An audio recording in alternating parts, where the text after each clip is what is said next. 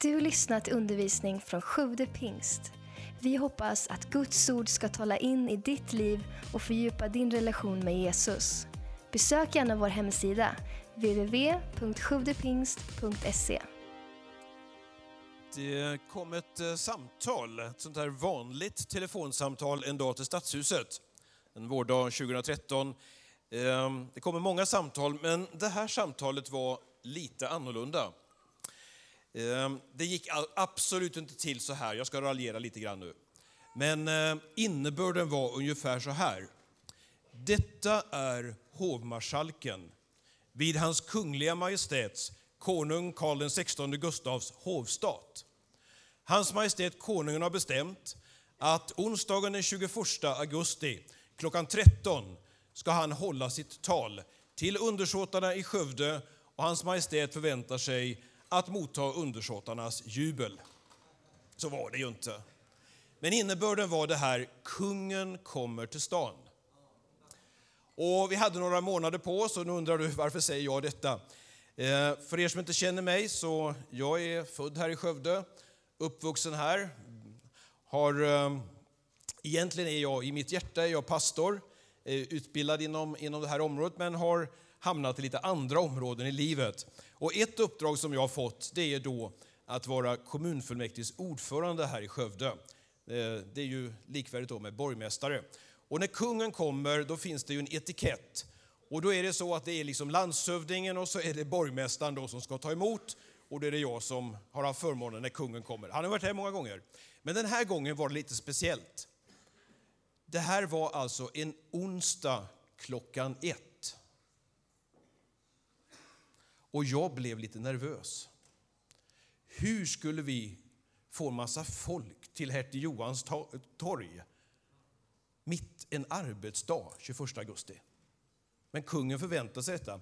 För er som inte minns hur det var så var det ju så att kungen hade varit på tronen i 40 år och så reste han omkring i alla län. Och då skulle han hålla ett tal där folket skulle komma då till och lyssna på kungen. Och han hade valt att komma till Skövde. I vårt län så är ju Vänersborg den stora huvudstaden. Men Göteborg är ju den riktiga huvudstaden. Men parlamentet ligger ju numera då i, i Vänersborg. Och då hade kungen bestämt att talet skulle inte vara i någon av de städerna utan det skulle vara här. Och då sätter vi igång en, eh, det är en rätt så stor apparat när kungen ska komma. Och så hade vi då möte och så, vad ska vi hitta på när kungen kommer hit? Och så samlade vi folk då och ja, då sa de olika saker och vi visste ju det att han skulle hålla ett tal och det hör ju till då att eh, min roll var ju då att bjuda på en lunch. Det var inte en middag den här gången och vi planerade detta. Och så sa vi, men vi kanske har lite mer tid. Och då var det någon som kom på det. När kungen var här en annan gång så planterade han ett träd. Då går vi och tittar på trädet. Och då är det en som sitter där och tittar ner och så säger så här, det går inte. Trädet har dött. Okej. Sen planerar vi upp den här dagen och så kommer då den 21 augusti. Och jag ska då möta kungen och han var på lite olika platser och så de här minuterna när vi skulle åka till Skövde då åkte vi en stor buss och det var en sån där buss ni vet med en sån här konferensavdelning längst bak. Och så sitter då Lars Bäckström och jag och så kungen och drottningen där och jag ska berätta om Skövde och förbereda kungen och drottningen på det här besöket. Och jag är så nervös. Tänk om kungen kommer att fråga om sitt träd. vad, vad ska jag liksom säga? Ska jag säga det att eh, nej, vi är så slarviga i Skövde så vi skötte inte om kungens träd, så vi lät det dö. Men eh, jag tänkte han kanske inte kommer att säga någonting om det där. Så var det så att vi hade ju planerat det här var bussen skulle stanna som vi kom med. Och den skulle stanna på gatan nära då Livets brunn, där precis utanför kyrkan, 25 meter ifrån där trädet var planterat. Och när vi ska kliva av bussen, alltså det enda jag kan tänka på det är det där trädet. Alltså det här var lite skämmigt tänker jag. Men när vi kommer av bussen och kungen går jag först och han, han har knappt hunnit av bussen så hör man ett enormt jubel. Folk hurrar och de jublar när kungen kommer. Jag, hade inte, jag, alltså jag visste ju inte om någon skulle komma till torget. Jag hade till och med tänkt så här, kan vi inte beordra ut några skolklasser för att stå där och vifta och så? Men det får man inte göra numera. Det är lärarna eller rektorerna som ansvarar för sånt, så det kan inte politiker beordra. Men folket de jublade. Och så hade vi det här programmet. Kanske var, var det några av er som var med?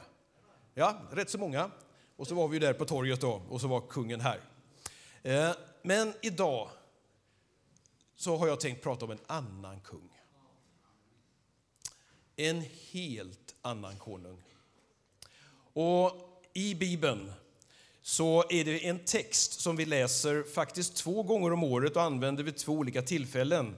Det är både nu och på palmsöndagen där vi läser ifrån Matteus evangeliet om intåget i Jerusalem. Och Den texten skulle jag vilja lägga som en grund när vi idag ska nöta in tre ord. När de närmade sig Jerusalem och kom till Betfage vid Olivberget skickade Jesus iväg två lärjungar och sa till dem Gå bort till byn där framme så hittar ni genast ett åsnesto som står bundet med ett föl bredvid sig. Ta dem och led hit dem. Om någon säger något ska ni svara Herren behöver dem, men han ska strax skicka tillbaka dem. Detta hände för att det som sagts genom profeten skulle uppfyllas. Och det här är profeten Sakarja. Säg till dotter Sion, se din konung kommer till dig, ödmjuk och ridande på en åsna, på ett föl, ett lastdjurs föl. Lärjungarna gick bort och gjorde så som Jesus hade sagt åt dem. De hämtade åsnan och fölet och la sina mantlar på dem, och han satt upp.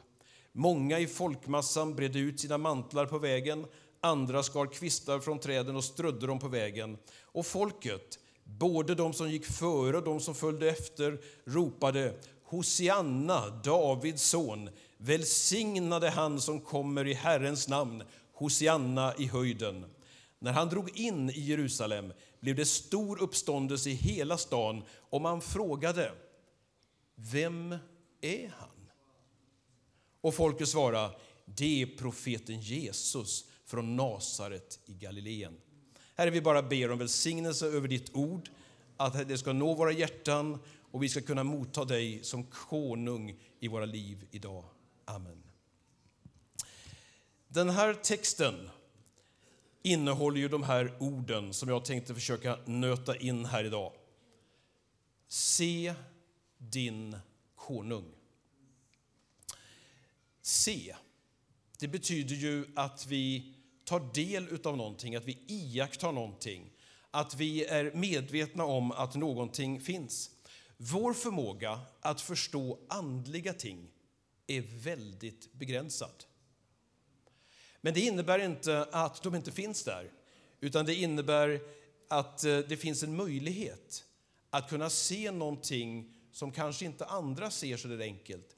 Men det finns många hinder för vår syn. Jag till exempel, om jag gör så här, så skulle jag, ja Simon känner jag igen här framme liksom då va. Men sen är det ja, möjligtvis jag kan gissa att, eh, men jag, jag har liksom lite korrigering sådär. Det finns liksom olika hinder för det som vi ska se. Det vi ser, det är ju bara det, enligt fysikens lagar, som eh, reflekterar ljus eller det som producerar ljus. Om man nu tar, eh, Olivia tände ju här framme, och det var inte tändstickor nu, men, men eh, om det är alldeles mörkt här inne så är det ju så då att förutsättningen för att vi ska kunna se det här nu, det är ju att ljus reflekteras. Hade det varit alldeles mörkt och jag hade tänt den här, ja nästan då, då hade det varit så att vi hade, den hade kunnat producera ljus. Jesus sa så här, jag är världens ljus. Han är en ljusproducent. Men han sa också, ni är världens ljus. Det innebär att vi både ska producera och reflektera ljus. Och det är det, det är det som är vår uppgift, att kunna vara med och visa på att det finns en konung idag. Och uppmaningen är då att se den här konungen. Det är, det är så lätt att vi sjunker ner, att vi inte förmår att se. Jag ska använda blädderblock idag. Jag tycker det här är så härligt med gammal teknik. Jag har inte så många bilder idag med den här moderna tekniken, men den här är... Eh, jag ska...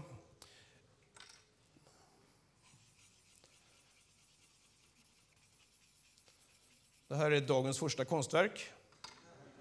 Nu ser inte alla den, jag tror jag river av det här. Och eh, om ni bara tittar lite grann här ska jag visa så att alla som är i kyrkan, de som följer det här via radio, kan inte se. Jag ska inte säga vad det är jag har ritat. Vänd dig till grannen och berätta vad du ser.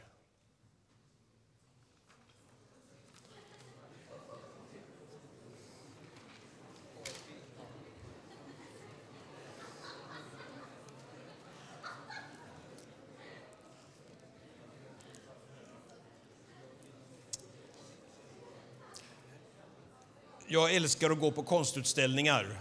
Och eh, skönheten den ligger alltid i betraktarens ögon och vi kan uppleva så mycket. Får vi höra? Var det någon som... Vad sa ni någon? Vad såg ni? En prick? En kolbit? Ett vitt papper? Det var ju det jag var ute efter. Hur många var det som pratade om den svarta pricken och hade någon koppling till det? Ja. Hur många pratade om det vita pappret? Ja, så där är det ju. Va? Vad är det vi sätter fokus på? I livet så är det så lätt, och jag ska inte förringa det på något sätt, men om det här är vårt liv, om det är så här att det här är vårt liv, så är det en svart prick. Och det, det kan vara jobbigt. Den pricken kan vara smärtsam. Men det finns så mycket mer runt omkring. När Jesus ska försöka förklara detta till helt vanliga människor som du och jag, så säger han så här, lyft blicken. Han säger inte liksom att vi ska eh, ignorera det svarta, men han säger det att vi kan vara med om något annorlunda. Och det är det som är då det här lyft blicken. I Johannes 4, där talar han om skörd. Det är kanske så att de är vid ett fält och så säger eh, så står det så här i Johannes 4 och 35. Ni säger fyra månader till så är det dags att skörda. Men jag säger er, lyft blicken och se hur fälten redan har vitnat till skörd. Alltså, ordet se, det innebär en uppmaning till dig idag. Att du ska kunna lyfta din blick inte så att jag säger att det där som är det jobbiga i ditt liv eh, är, ska vi undvika på något sätt eller bortse ifrån. Det ska vi också ta itu med. Men det finns så mycket annat. Det finns så stora glädjeämnen och livet det blir så mycket härligare om vi pratar om det här stora runt omkring. Men det där lilla, det ska vi också hjälpas åt med. Eh, Hebreerbrevets författare säger så här i Hebreerbrevet 12, en uppmaning till oss. Låt oss ha blicken fäst vid Jesus, trons hövding och fullkomnare. Alltså, vad har du fokus på? Vad är det som, som du liksom har som ledsagning? Blicken fäst på Jesus, det är uppmaningen här. Det står i Efesierbrevet 1 och 18 så här, att vi kan få vara med om en inre upplevelse. Och det är Paulus som ber till församlingen där. Må han ge ert inre öga ljus. Alltså att det kan vara en upplysning som kommer inom oss. Därför att Gud, han, han öppnar det här för de andliga tingen, för den andliga världen, så att vi kan förstå Guds storhet och också hur Gud kan komma in och vara med i våra liv. Ehm, jag ska bara ta det här väldigt kort. Häromdagen drog Sven en historia här som jag tyckte var så urbota dum om en papegoja det är kanske några som, som var här. Jag tyckte inte den passade in i predikan alls.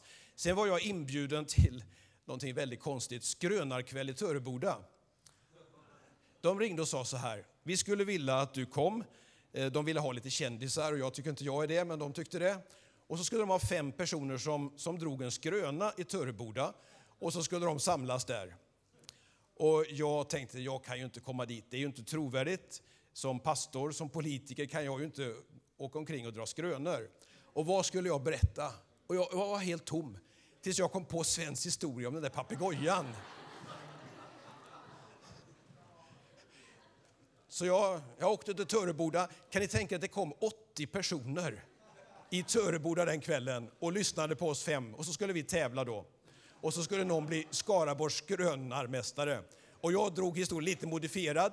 Jag kunde ju inte säga så här, det här har jag hört av min pastorskompis Sven. Ja, men det var i alla fall det. Så jag drog den här skrönan om papegojan som kunde prata en massa språk. Ni hörde den här. Och det slutade med att jag blev Skaraborgs skrönarmästare den kvällen.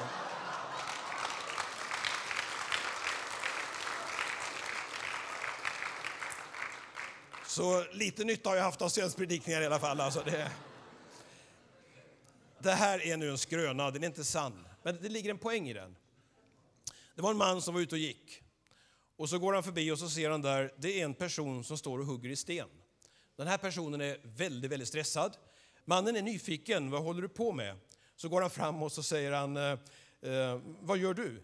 Och då säger den här stenhuggaren, du, jag, jag, jag, jag har liksom inte tid, jag hugger sten. Jag har inte tid med dig, eh, jag måste jobba. Och så mannen går vidare. Efter ett tag ser han ytterligare en man som hugger i sten. Och den här mannen han säger det att, vad gör du? Och då säger han, jag försörjer min familj. Ja, men, men vad gör du här då? Ja, jag hugger fyrkantiga stenar. Men eh, jag, jag har bråttom. Jag måste bli klar med den här stenen så jag hinner inte stanna upp nu. Eh, jag måste knacka vidare. Så kommer han och går vidare, så möter han en tredje person. Den här personen han ser annorlunda ut. Han ser riktigt glad ut. Svetten lackar om honom och han står där och hugger i stora stenblock. Och då frågar mannen så här, vad gör du? Då lägger han ner sina verktyg och så vänder han sig till mannen och säger så här, du, jag är med och bygger en katedral. Det ska bli den största och mäktigaste katedralen som vi kan ha. Det är det vi bygger. Och så tar han upp sina redskap och fortsätter. Vad var det de såg? Slit och möda alla tre. Men någon såg någonting väldigt, väldigt stort. Och hans del i detta var en förutsättning för att allting skulle komma på plats. Vad är det vi ser? Jag tillhör de här som eh, vill basera mitt liv på det vi kallar evidens, beprövad erfarenhet. Eh, och Det är jättebra, men tron är lite annorlunda. Jesus han är väldigt praktisk. Han säger så här att se till att du bygger ditt hus på rätt grund. Och han ger berättelser så vi ska förstå.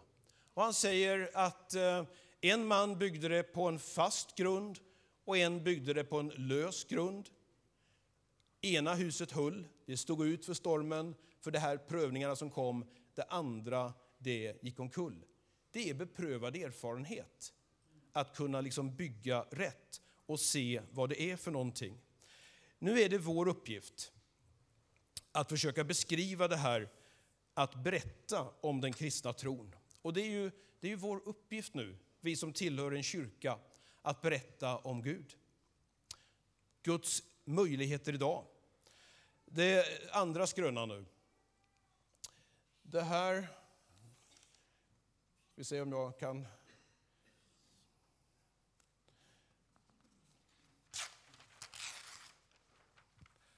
Det var inte meningen pappret skulle gå sönder. Emil, kan du hålla den? Det där är en person Och det här är, David kan du hjälpa mig? Det där är, kan ni ställa nu så alla kan se här? Och ska vi se, hur ritade jag den där? Och så har vi så där. Så. Det var så här att det var malaria i ett område. Och några personer skulle försöka verkligen eh, åstadkomma det här med att försöka berätta för de ville verkligen hjälpa människorna så de förstod hur man skulle bli fri från malarian. Och då hade de det här sättet att när någon är sjuk i malaria så har man ett dystert tillstånd i livet. Man kan få en medicin. Tar man medicinen så kan man då bli frisk.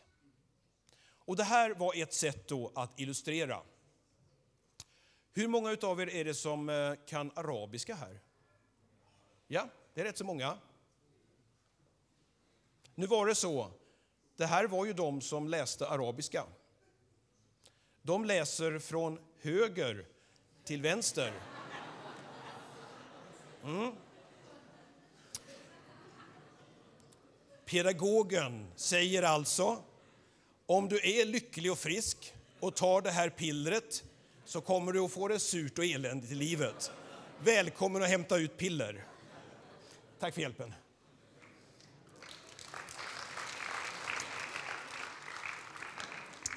Alltså, vi vill så gärna berätta om Jesus. Vi vill så gärna uppmuntra människor. Men ibland så blir vi hinder för detta.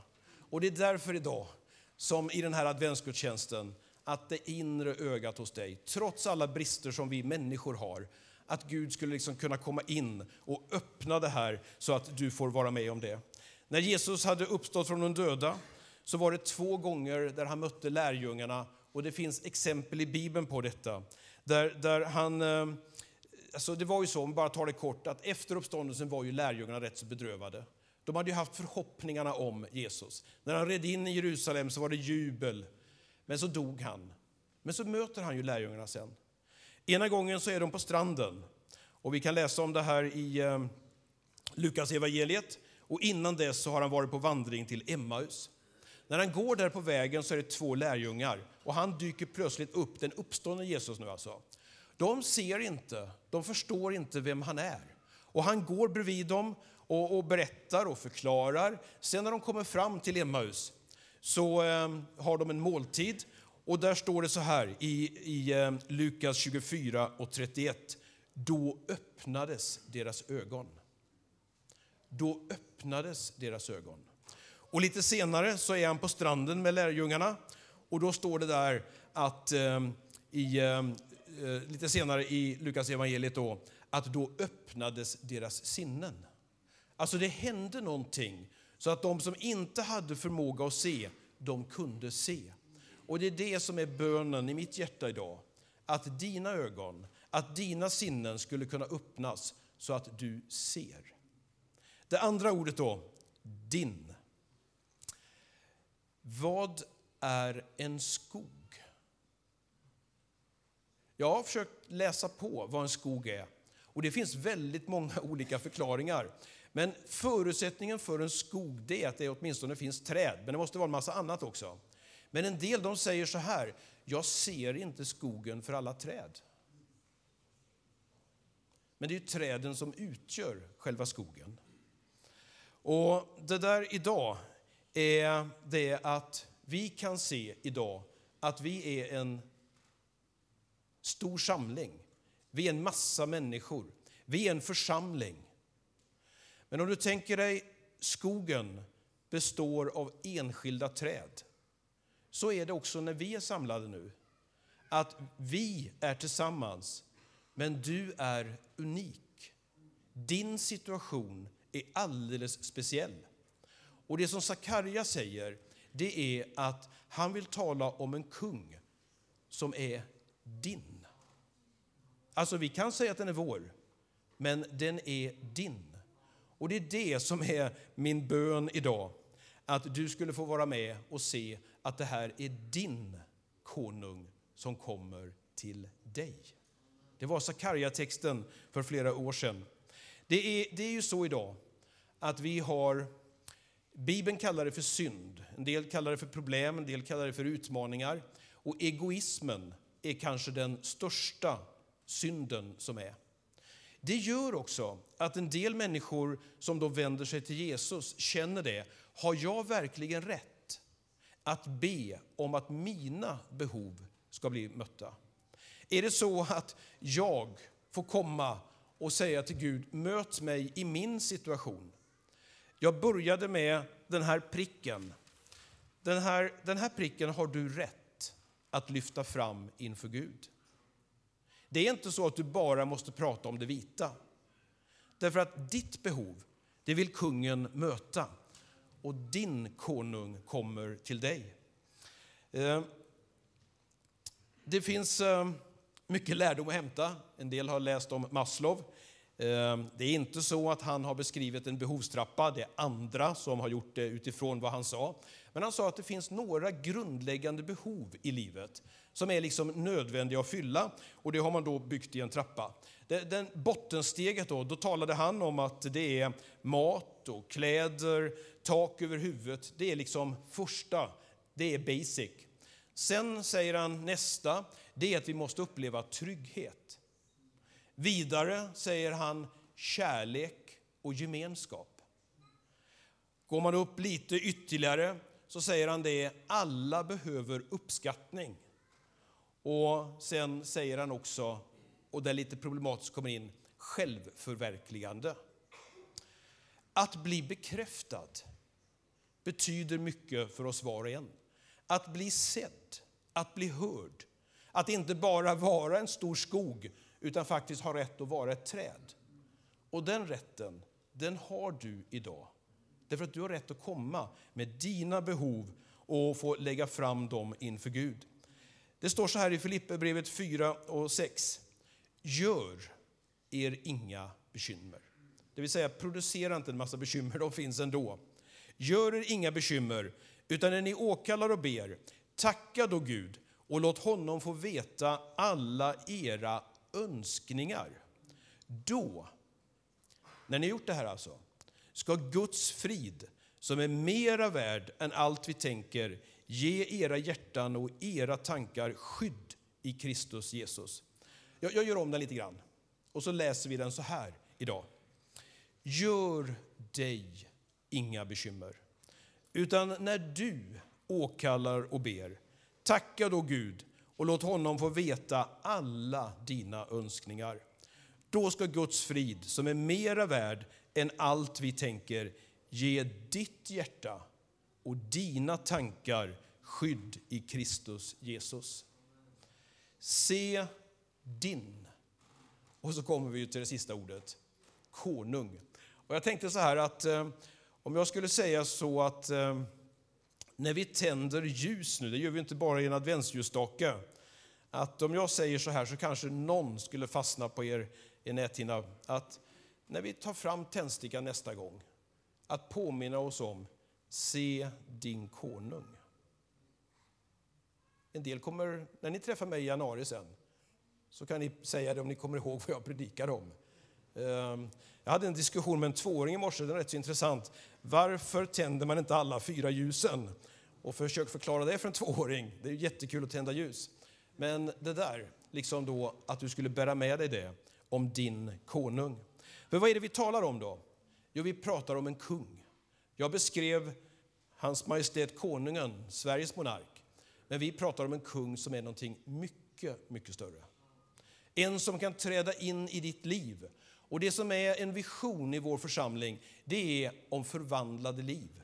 Att den här mäktige, väldige kungen, han ska komma in. När han ska lämna sina lärjungar och han liksom har, har varit med dem efter uppståndelsen ett tag, så, så försäkrar han dem och säger så här i de allra sista orden. Åt mig har getts all makt i himlen och på jorden. All makt har han. Och sen säger han också, jag är med er alla dagar. Alltså det här är en kung som är närvarande i ditt liv, i din situation och han vill att du ska få upp ögonen för att du ska kunna möta dina behov. Då måste man ställa frågan så här, kan han möta dina behov? Om vi tar några bibelexempel, det finns många på detta. Eh, Abraham och Sara. Vi går tillbaka långt i historien. Abraham och Sara är kommen till hög ålder. Abraham hade varit med om något märkligt. Han hade fått en namnförändring. Först hette han Abram. Det betyder att han skulle bli fader, så det var ett löfte i namnet. Men Abraham, det betyder fader till många. Och så är han jättegammal och barnlös.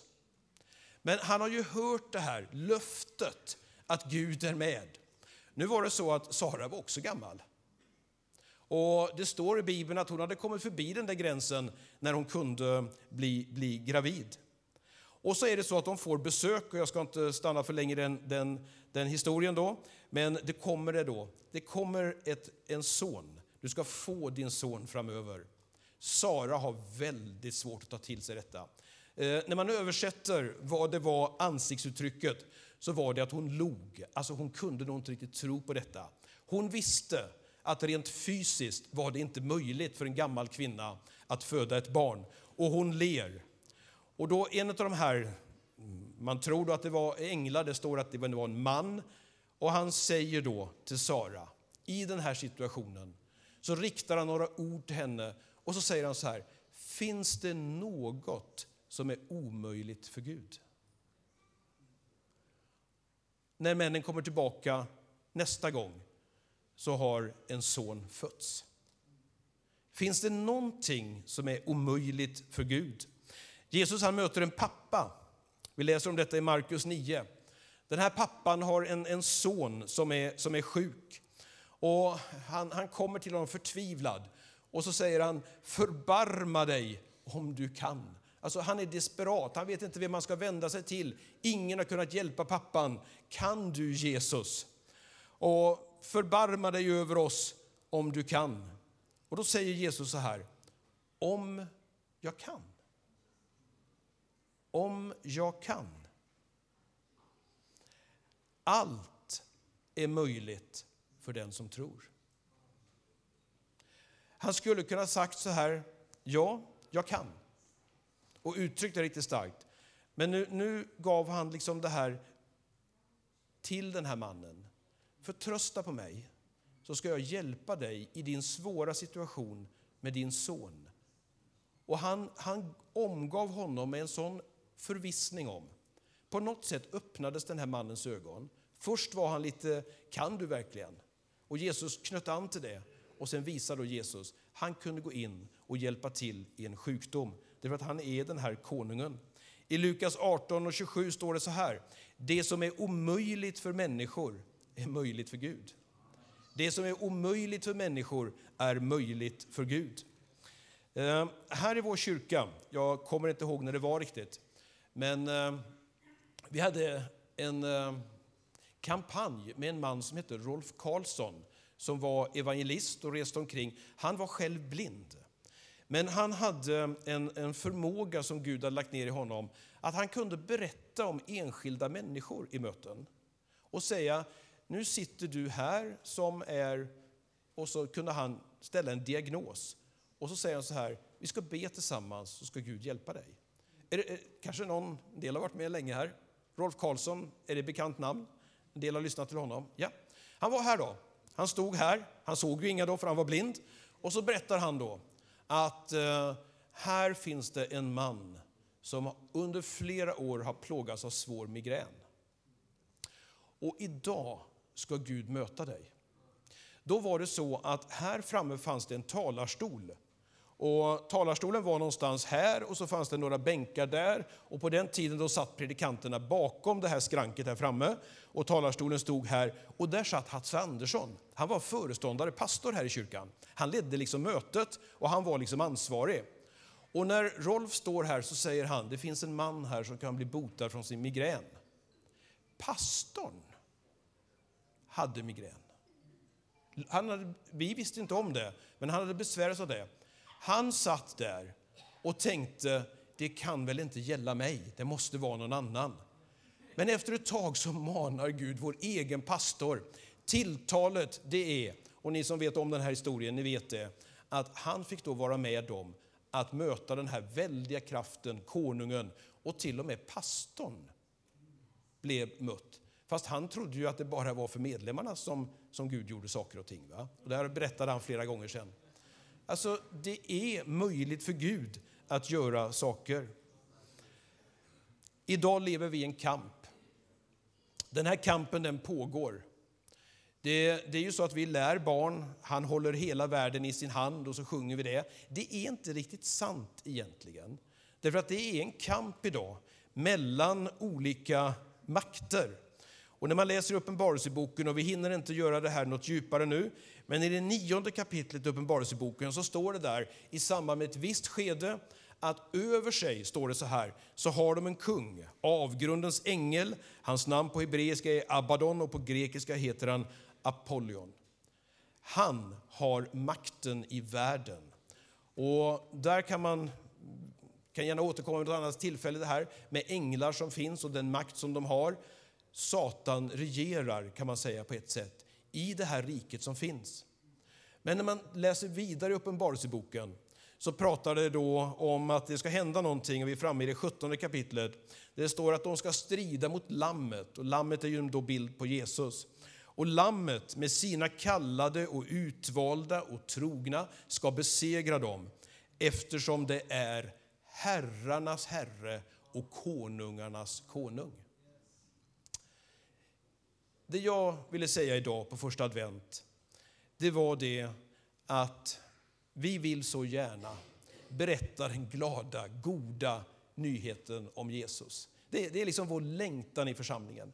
Ibland är det så att vi, vi gör bort oss, vi gör fel, vi använder krångliga ord och vi svårar till det på olika sätt. Men då kan det hända någonting inom dig där du kan få upp dina ögon för vad det är egentligen. När du kan få din blick fäst på honom. Där dina behov kan bli mötta därför att kungen kommer till dig. Och jag skulle vilja be för dig. I din situation. En del kanske, ni har lugnat ner lite grann nu, ni kanske var väldigt stressade innan. Ni känner en väldig press de kommande dagarna. Det, det ligger liksom på här nu. Men att eh, den här friden som vi talade om, när vi gör våra önskningar kunniga, att friden och skyddet för dina tankar. En del plågas på nätterna utav tankar som skapar oro. En del har eh, situationer i sitt liv som är bekymmersamma. Och om en stund så ska vi erbjuda dig både gemenskap, vi ska fika ihop, men också det här att vara med och be tillsammans. Men jag skulle vilja att vi bara vänder oss var och en. Vi är individer samtidigt som vi är församling. Och så ber vi bara för varandra just nu. Att Gud skulle uppenbara vem han är och vi skulle kunna få se konungen skrida in i var och ens liv och möta just dina behov. Herre, jag vill bara tacka dig för det här fantastiska som du vill erbjuda oss inför din ankomst och när vi firar advent och sjunger alla de här sångerna som talar om Hosianna i höjden och gå Sion din konung och möta så vill vi var och en möta den här konungen idag. Den här som har all makt, som har alla möjligheter. Och jag vill bara be nu för den som har ett specifikt behov i sitt liv att du ska komma just nu och du ska möta den personen. Herre, jag bara ber om att herrarnas Herre och konungarnas konung ska visa sig i var och ens liv. Tack för att du lyssnat. Glöm inte att du alltid är välkommen till vår kyrka. Du hittar mer info på www.sjuvdepingst.se